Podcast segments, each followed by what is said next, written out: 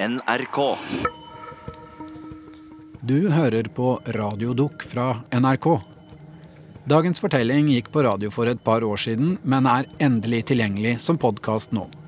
Den handler om Rolf, som ble forlatt av faren sin som liten gutt, og har vært preget av det hele livet. Men så får han vite at han har en ukjent bror i USA. Her er Amerikafaren, laget av Ingvild Nilsen.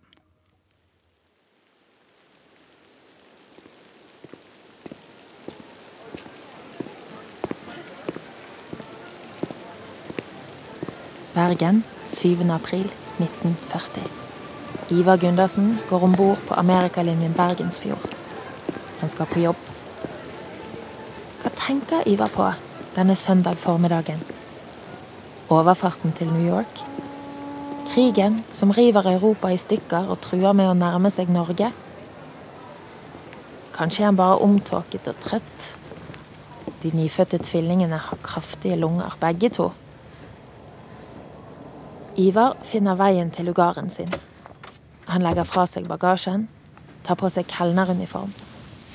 Ingen vet hva han tenker, hva han drømmer om, hva han frykter. Alt vi vet, er at han forlater sine fire kjære i Bergen to dager før andre verdenskrig når Norge, og at han aldri skal få se noen av de igjen.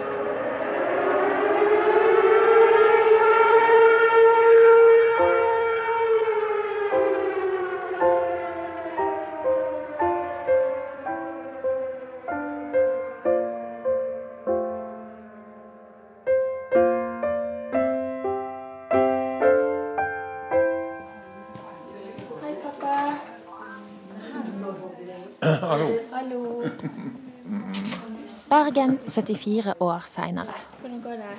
Jo, det går bra.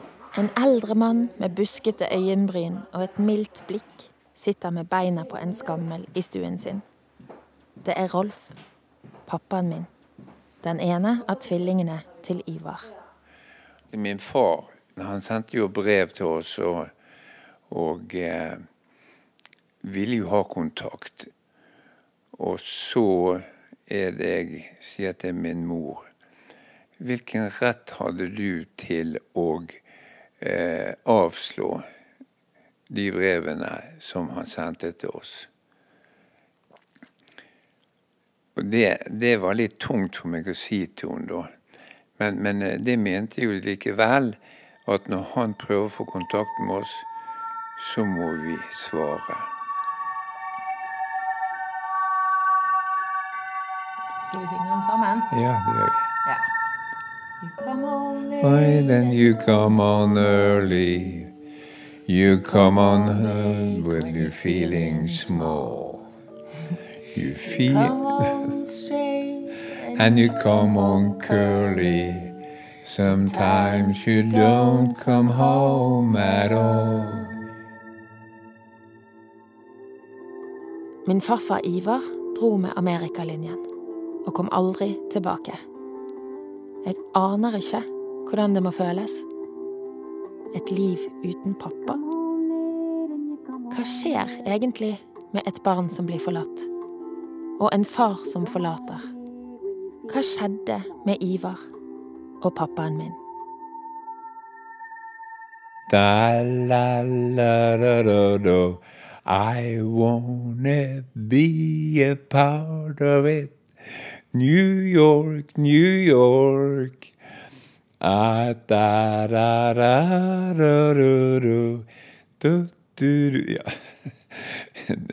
Jeg må få pusten igjennom.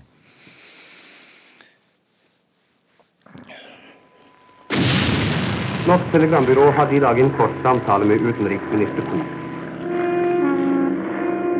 At han i dag morges klokka fem fikk besøk av den tyske sendemannen. Han ga uttrykk for at Norge ikke burde gjøre motstand når tyskerne nå hadde landsatt tropper på enkelte viktige steder i Norge. De personer som arbeider utenfor hjemmet, bør ikke flytte lenger bort enn at de daglig kan nå sitt arbeidssted. Ivar er håpløst langt utenfor hjemmet når tyskerne dropper flygebladene sine over familien hans i Jakob Aals vei 9.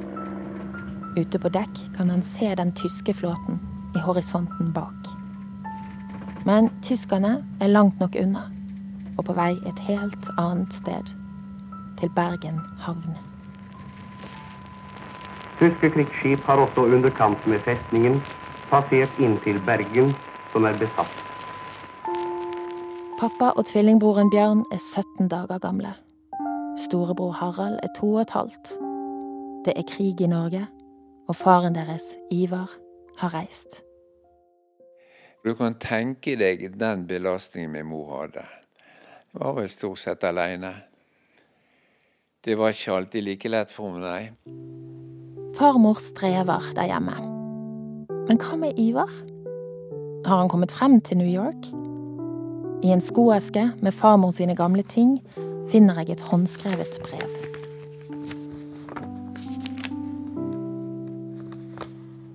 Brooklyn 3.12.1940. Kjæreste Kirsten og barna. Tusen takk for ditt brev som var skrevet den 5. november.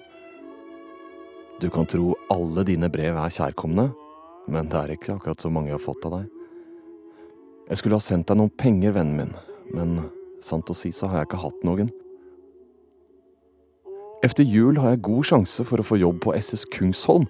Den går på Vest-India-cruise. Hvis jeg får jobben, skal det nok bli bedre for deg også, vennen min. Jeg er nesten syk av å tenke på at du ikke får noe av meg. Du kan tro jeg tenker på deg om dagene, om hvordan det går med deg og alle barna våre.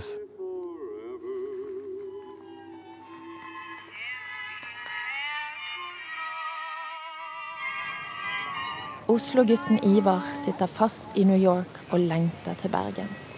Uten jobb, uten penger. Skipet hans får heller ikke komme hjem. Bergensfjord blir liggende i opplag i New York og skal siden frakte allierte tropper og utstyr verden over hele krigen gjennom.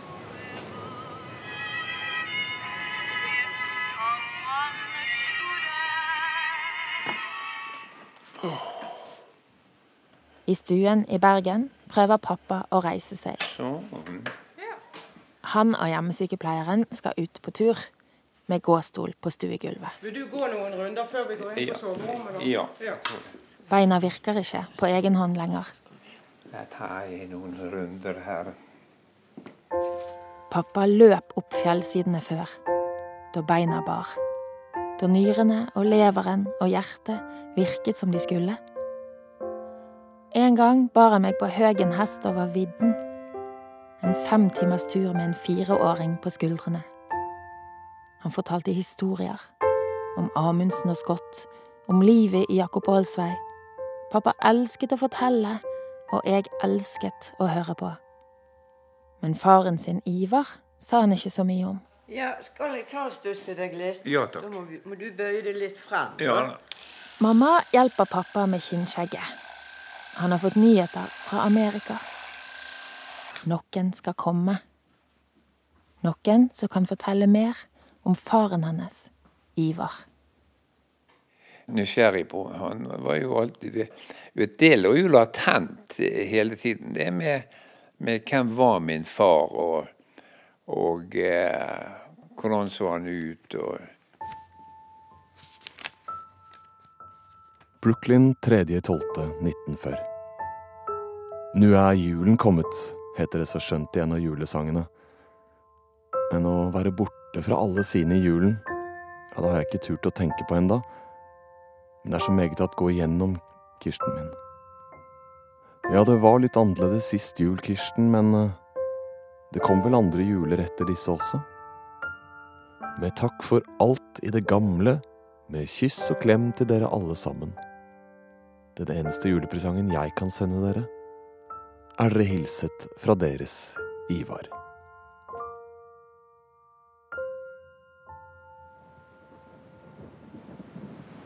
Julepresangen fra Ivar varmer sikkert. Tanken på kyssene og klemmene. Men farmor trenger mer. Hun trenger klær til guttene, mat til guttene. I 42 må farmor gi opp. Hun sender den ene tvillingen, to år gamle Bjørn, fra seg til en avlastningsfamilie på Fagernes. I et drøyt år er de bare tre. Pappa blir igjen hos farmor. Han savner tvillingen sin. Han savner faren sin. Men ute på gaten venter en ny bekjent. Under krigen var det tyske soldater som patruljerte rett utenfor huset vårt. Og eh, spesielt én av de var veldig snill. Og eh, jeg husker de, han ga meg sånne, sånne sitrondrops. Og eh, så sier han det til meg at eh, i morgen skal du bli min gutt. Og eh, da kommer jeg og henter deg, sier han. Og den dagen holdt jeg meg inne. Jeg turte ikke bevege meg utenfor. Da var jeg litt sånn redd for eh, at han skulle gjøre det, da. At han skulle Ja, ta meg med til Tyskland, og for jeg var hans gutt. og så, så da holdt jeg meg inne. Pappa våger seg ut igjen. Soldaten har flere sitrondrops. Vet, jeg, jeg søker jo, det gjør vi alle, en, en farsfigur. da. Og når du da treffer på personer, en tysk soldat f.eks., som virkelig bryr seg, så gjør det meg godt. Det gjør det. Å, bravo, bravo! Mere, mere, mere. I stuen i Bergen har pappa akkurat sendt hjemmesykepleien av gårde. Snart kommer det besøk. Fra en som kjente faren hennes, Ivar, veldig godt. Nei, jeg er veldig spent på, på å møte han eh, face to face. Så vidt jeg forstår, så ligner han på Harald. Min eldste bror. Og han er jo død. Så eh, at det er en viss familielikhet, det tror jeg nå faktisk det kan være, altså. Pappa er god på venting. I 74 år har han ventet. Men akkurat nå har pappa alt han trenger oppå fanget sitt. Lisa på Lise. Lisa er pappa sitt yngste barnebarn. Min lille jente. Og hun er like glad i han gøye med det store fanget som jeg var. Like til Amerika og hjem igjen til moren. Og hjem igjen til faren. Og hjem igjen til, til bestefar. Å, hvor skjønn du er. takk. Tusen takk. Jeg tar meg i å lure på hvor pappa har barnetekket sitt fra. Jeg kan ikke huske at farmor satt sånn med meg på fanget. Jeg husker at hun smurte tjukke lag med smør på loffen. At hun ble irritert på værmeldere fra Østlandet som gliste når de meldte regn over Bergen. Men ikke noe fang. Hvordan husker pappa farmor? Eh, jeg ser for meg en mor som eh, som eh, ville gjøre alltid det beste, da. Det ville hun. Men så blir hun jo så bitter. Når jeg forlovet meg, så var det egentlig litt sånn hemmelighet, det. Jeg kom hjem eh, til eh, Signe sine foreldre. Så var de jo så glad og gratulerte, og dette var kjekt. Jeg husker min svigermor. Skjønt menneske hun. Tårene trillet på henne. Og eh, gratulerer og, og, sånne ting. Så når jeg kom hjem til min mor, så ble det motsatt. Hun skulle hatt beskjed, og eh, tolererte det faktisk ikke. Og da husker jeg jeg måtte si til henne det er mitt valg, og ikke ditt. Ja. Og jeg hadde håpet at du respekterte mitt valg. Tror du hun var redd for å miste deg? Ja, det tror jeg. Fordi at hun sa jo det. Jeg hadde jo håpet jeg kunne få hatt deg lenger, sa hun til meg. Dette er London. Nå er vi ved målet for vår kamp. De tyske operasjonsstyrker i Norge har overgitt seg. 8. mai 1945. Norge er fritt. Bergen er våknet etter vinternatten. Fem år gamle Bjørn er tilbake i Jakob Aalsvei. Hos fem år gamle Rolf og Harald på åtte. Solen skinner i lysegrønne lier. Flagg vaier overalt. Avlastningsfamilien ville gjerne beholde lille Bjørn for godt. Men farmor har ingen flere å savne. Ikke pappa heller. Barna er grepet og viser sin glede i små improviserte barnetog med tromming og sang. Fra Amerika kommer det et nytt brev. Skrevet på maskin denne gang. Uten æ, ø og å. 15 Bridge Street, New York, 24. august 1945. Kjære Kirsten og alle sammen. Tusen takk for ditt kort som jeg mottok i går. Det var det første jeg har hørt fra deg, unntatt det telegrammet du sendte. Send meg noen bilder om du kan. Det blir morsomt å se hvor store Bjørn, Rolf og Harald har blitt. Kjenner jeg igjen Harald, tro? Ja, som du ser av de foregående brev, så har jeg det bra herover, og arbeider ganske hardt for de agenturer som jeg og Jakob skal ha i fremtiden. Får du noe til å leve av? Jeg holder på å ordne papirene mine her borte, så jeg kan, i tilfelle ikke alt går som det skulle, ta dere over her. Men det har vel ikke du lyst på? Ja, Kirsten min, nå må du ha det bare bra og smøre deg med tålmodighet til jeg kommer hjem. Og ikke bli altfor lei deg om det tar en stund. Men da jeg kommer, kommer jeg for godt. Ikke sant, darling? Jeg sendte deg en pakke med Stuarten på SS Ole Bull. Håper du har fått den. Hils alle kjente fra meg, men mest av alt er du og barna hilset. Ett kryss til hver av dere fra deres Ivar. Når vi fikk denne der svære kassen fra Amerika Jeg ser ennå for meg den der revolveren vi fikk. Det var en skikkelig flott sak. Og det smalt. Det var jo rene folkevandringen opp til oss da. Det var jo faktisk folk som jeg ikke kjente. For dette ryktes jo at eh, oppe hos Rolfen og de der hadde de fått revolver og sånt fra, fra, Amerika. Og dette med å få ting fra Amerika, det var jo en stor ting. Det var det jo virkelig, altså. Jeg følte meg nesten som en kjendis. Ja. og jeg husker jeg var så kry eh, over at dette hadde vi fått fra vår far i Amerika. Ivar lover å komme hjem for godt. Men 1945 blir til 46 uten at Bergensfjord vender tilbake med faren til pappa. Brått slutta også posten fra Amerika og nå guttene. Ja, det sluttet ikke å komme post, men vi, vi så ikke noe til den. Ja.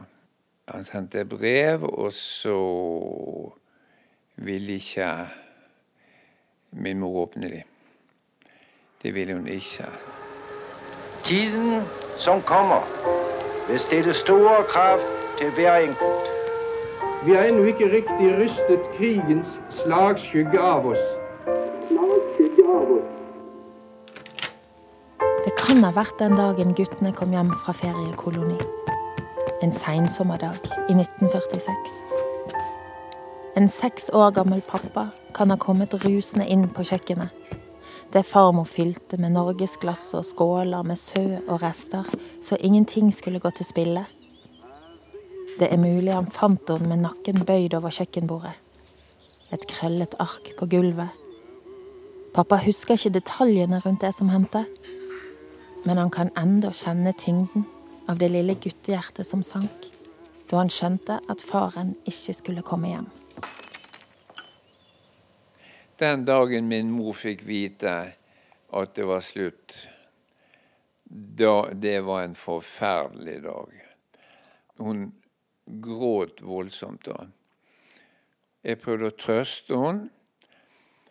For å kjøpte godterier til henne. Og eh, alt jeg kunne for, for å lindre sorgen hennes. da. Jeg sa til min mor hele tiden dette skal vi klare, vi to. Og da sier hun jeg er glad jeg har deg, Rolf.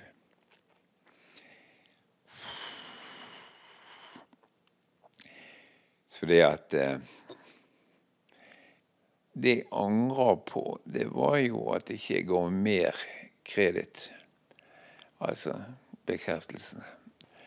Skulle sagt hun var en god mor. Ja, det skulle jeg enda tydeligere fremhevet for henne. Og det der er en feeling at det var ikke alltid jeg klarte å få det til, da.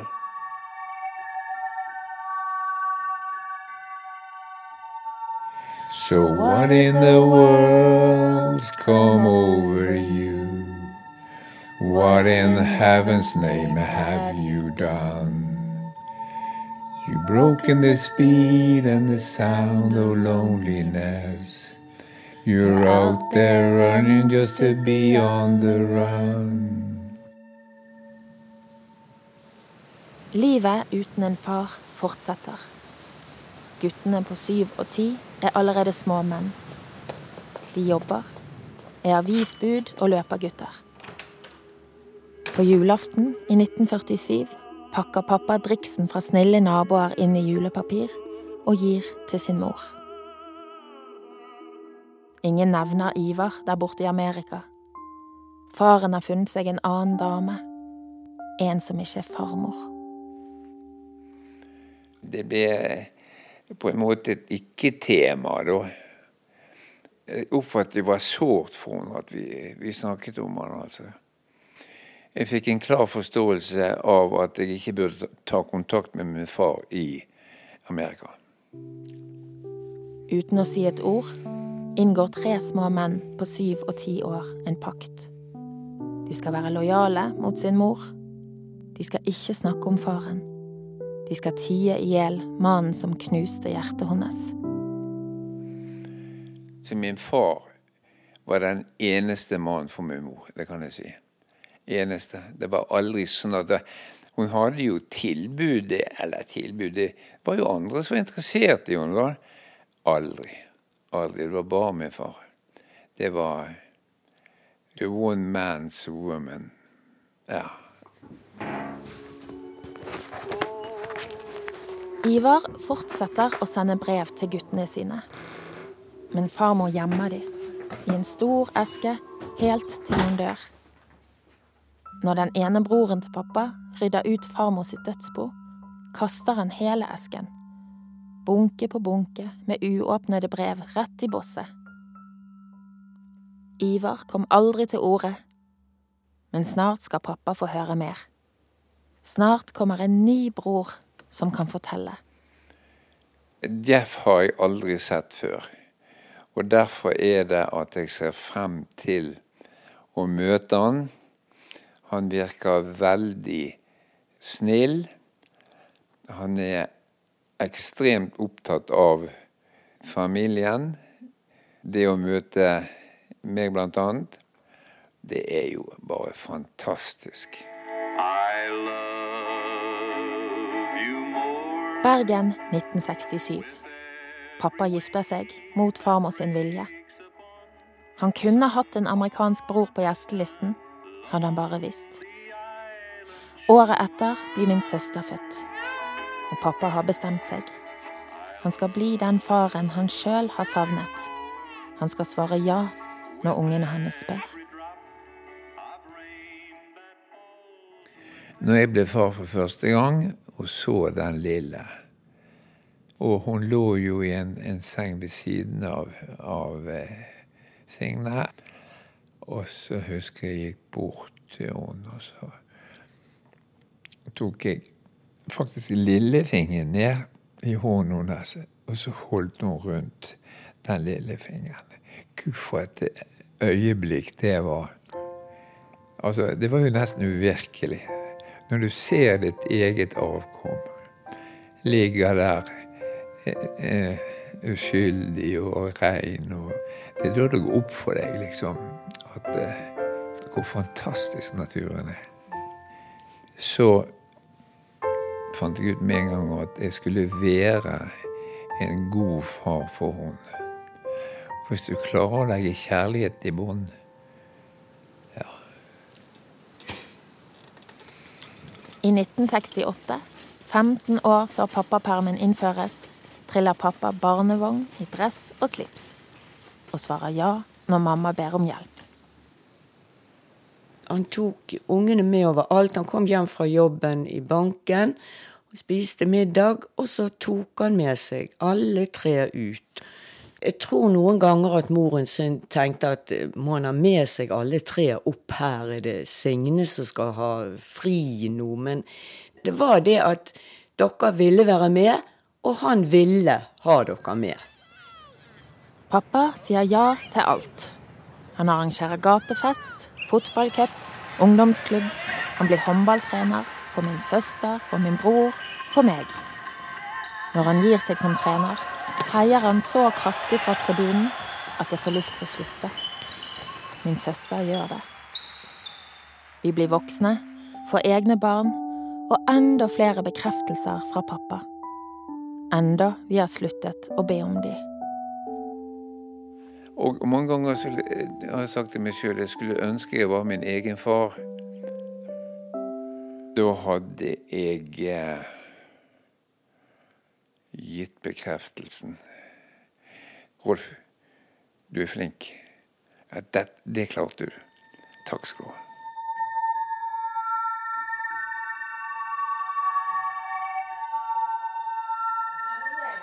Kom, det kommer. Det kommer jo.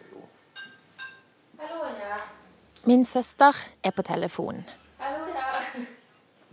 Hallo. Fetterne våre har leitet på nettet og funnet en ny bror. Ja. Ivar sin amerikanske sønn Ja, Jeff, sant. født i desember 1946. I dag skal jeg møte min bror Jeff for aller første gang. Jeg har jo hatt en bror i 68 år som jeg ikke har visst om. Vil du ha en annen langbukse, da? Eh, Jeg må jo få en mørk en. da. Harald og Bjørn, pappas norske brødre, er borte begge to. De døde av sykdom med et halvt års mellomrom. Nå går det an å snakke om Ivar igjen. Pakten er opphevet. Når nå dette åpner seg, så er det jo selvfølgelig hadde, hadde det vært kjekt om vi kunne, kunne møtes for veldig lenge siden. da. Men så ble omstendighetene på den måten her, og det må i hvert fall jeg forholde meg til. Hva er du nysgjerrig på å få vite fra han? Jeg har jo lyst til å Og eh, for, for hans versjon av min far, da.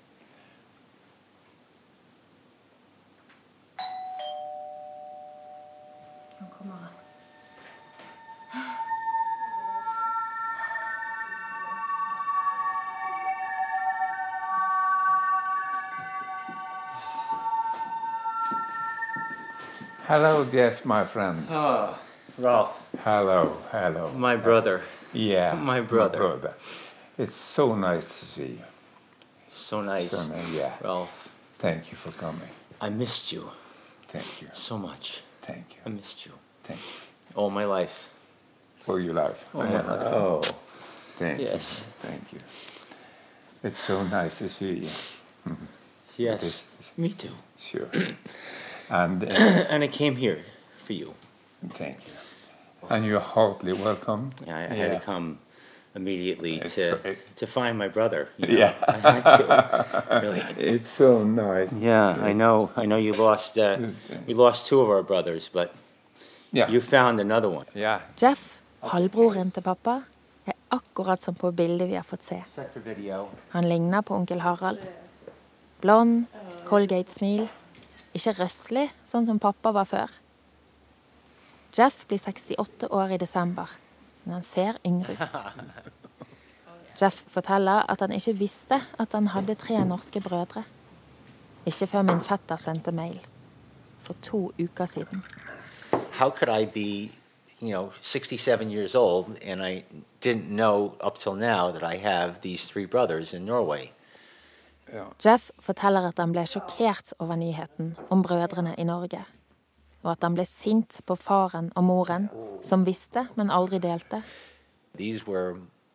Boys, you know.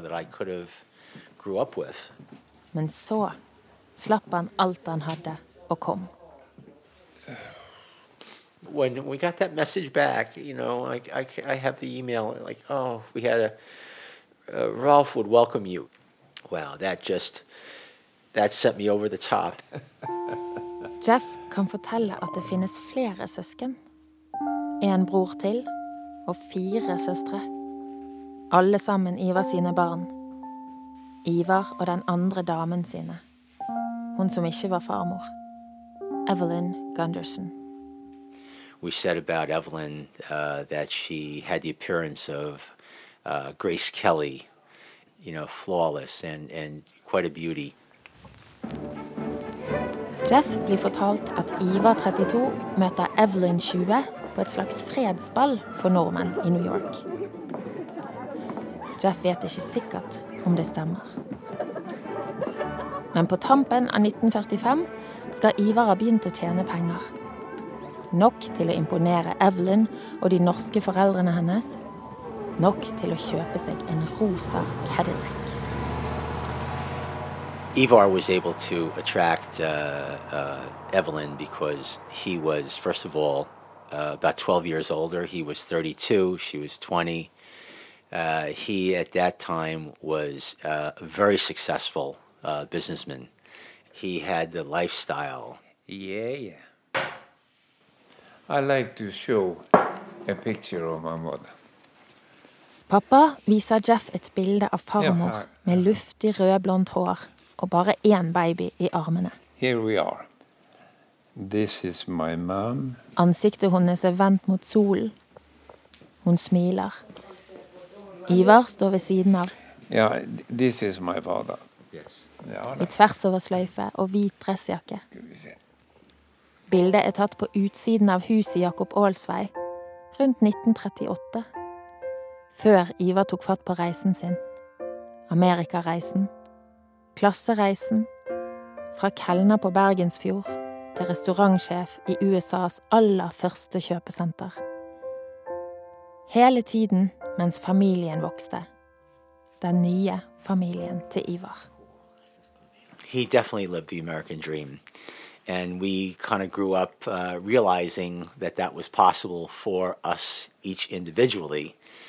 And we were part of that dream. Yes, yes, yes. And I can remember, you know, going out with my father and after, you know, games of baseball or tennis would take me out for uh, for soda or hot dog or, you know, something like that and, and, and, and pat me on the head and Ivar ble en amerikansk far til en amerikansk sønn. Men tok han med seg noe fra Norge? Ivar definitely uh, always had his Norwegian ac- accent. And one thing that was very cute is when he would come to my sports uh, games, whether it was soccer or tennis or baseball, he called me Yef. Go Yef, go Yef. So Yef, Jeffrey, Jeffrey. So, and, and that's uh, something that uh, I, will, I will always remember. I have to tell you on, on Christmas Eve, Pappa vil fortelle Jeff historien om pengene han pakket inn i julepapir og ga til farmor i 1947. uh, we have a sort of big uh, pengepung då, and give it to my mother as a Christmas gift. Jeff har helt andre minner fra sine juler med Ivar. Ivar and I would always go out to get the Christmas tree. You know, we would always every year try to get a bigger and bigger tree, and and uh, it got to the point where the tree was so large that we had to uh, get a ladder, No, no, no. and uh, and we had to uh, string a, a wire Yeah. and support the tree because it was so large.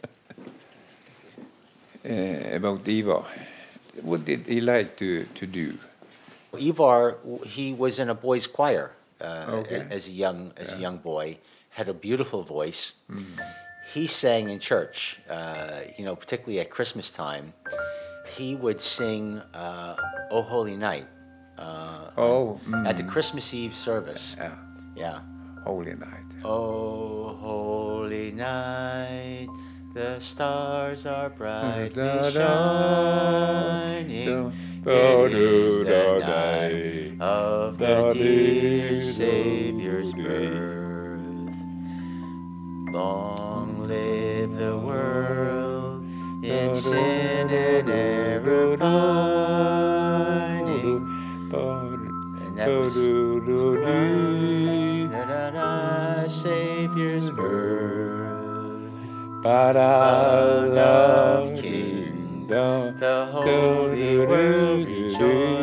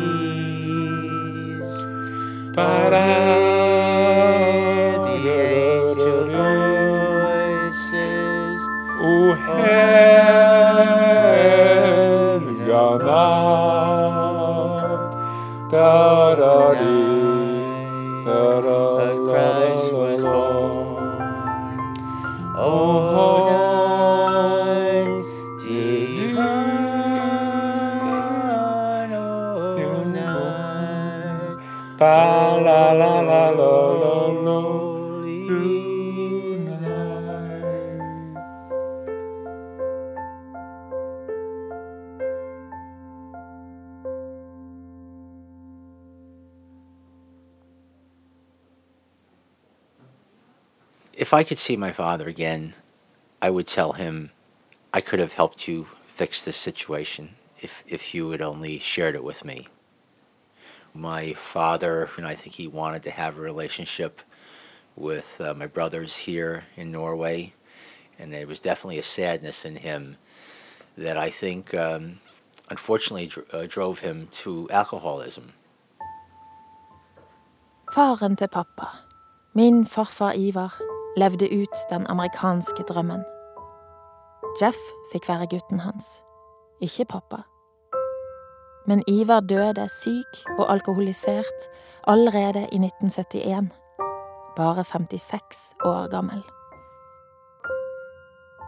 Um, so I was actually with uh, our dad, you know, the day uh, and the time that he that he did pass away, and um, I can remember, you know, I mean, he almost was able to sit upright, you know, and he and he looked to me, uh, Rolf, and he said, you know, you have to carry on. You know, it's Very your good. time now. Very good. You have to be the man. Very good. You have to uh, take care of the family. Very good. Take care of the children. Yeah, very good. And uh, Yeah. And you, you sure? and I was holding his hand. You know, I was holding his hand. Yeah. In in the hospital, and uh, we had that moment, and and and uh, uh, That's life. That's Yeah. life. and I knew that was you know part of my destiny Yeah. to uh, to try to take his place. But I Yeah. was only still myself, you know, 24, 25 years old, uh, very young, very young. But, you are doing fine. Yeah. Yeah. Thank you for coming. Yeah. Yeah. Thank you.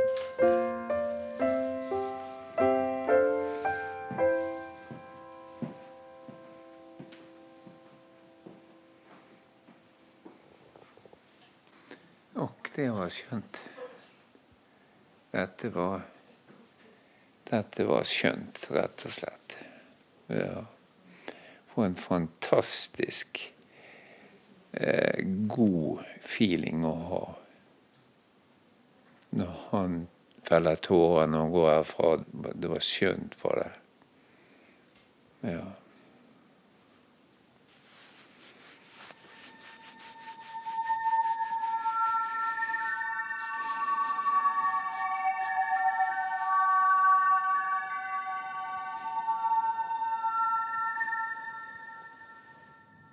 Jeff fortalte jo litt om din far.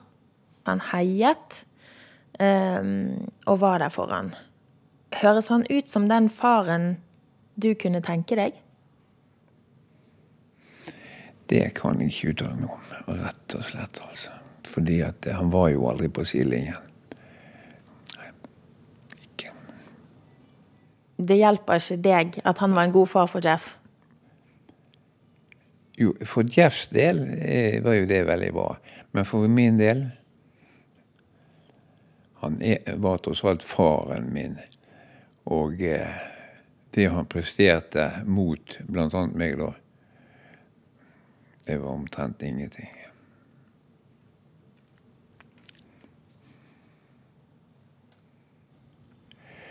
Jeg skulle ønske at jeg kunne få møte min far.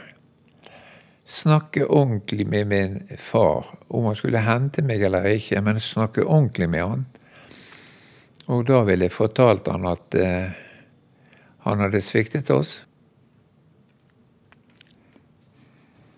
Din far, han dro jo fra deg. Ja, det gjorde han.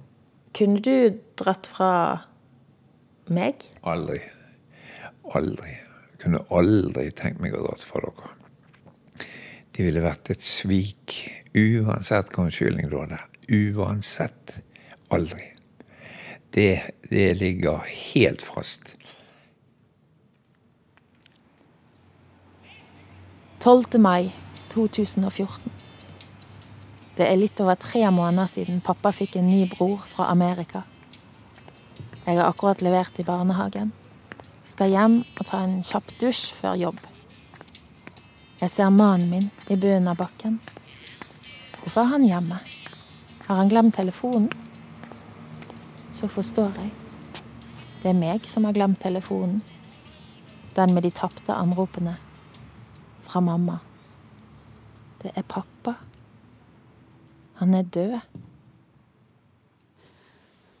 Da var det det siste ordet han sa, det var ja, når jeg spurte om han skulle ringe etter hjelp. Så jeg føler at i og med han var et sånt ja-menneske, så var det litt godt å tenke på at det var det, var det siste ordet han sa.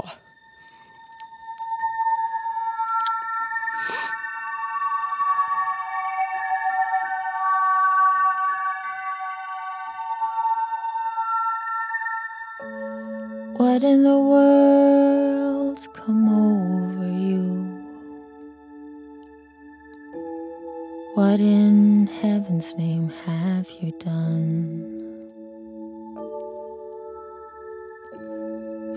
broken the speed at the sound of loneliness. You're out there running just to be on the run.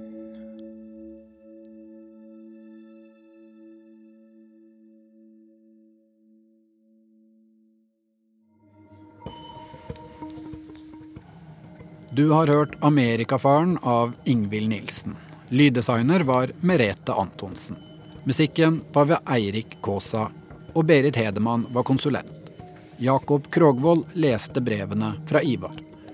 Dokumentaren ble sendt første gang i 2014 og vant norske Pri Radio. Jeg heter Kjetil Saugestad, og har du lyst til å kontakte oss, så svarer vi på alle e-poster sendt til radiodok at nrk.no. NRK.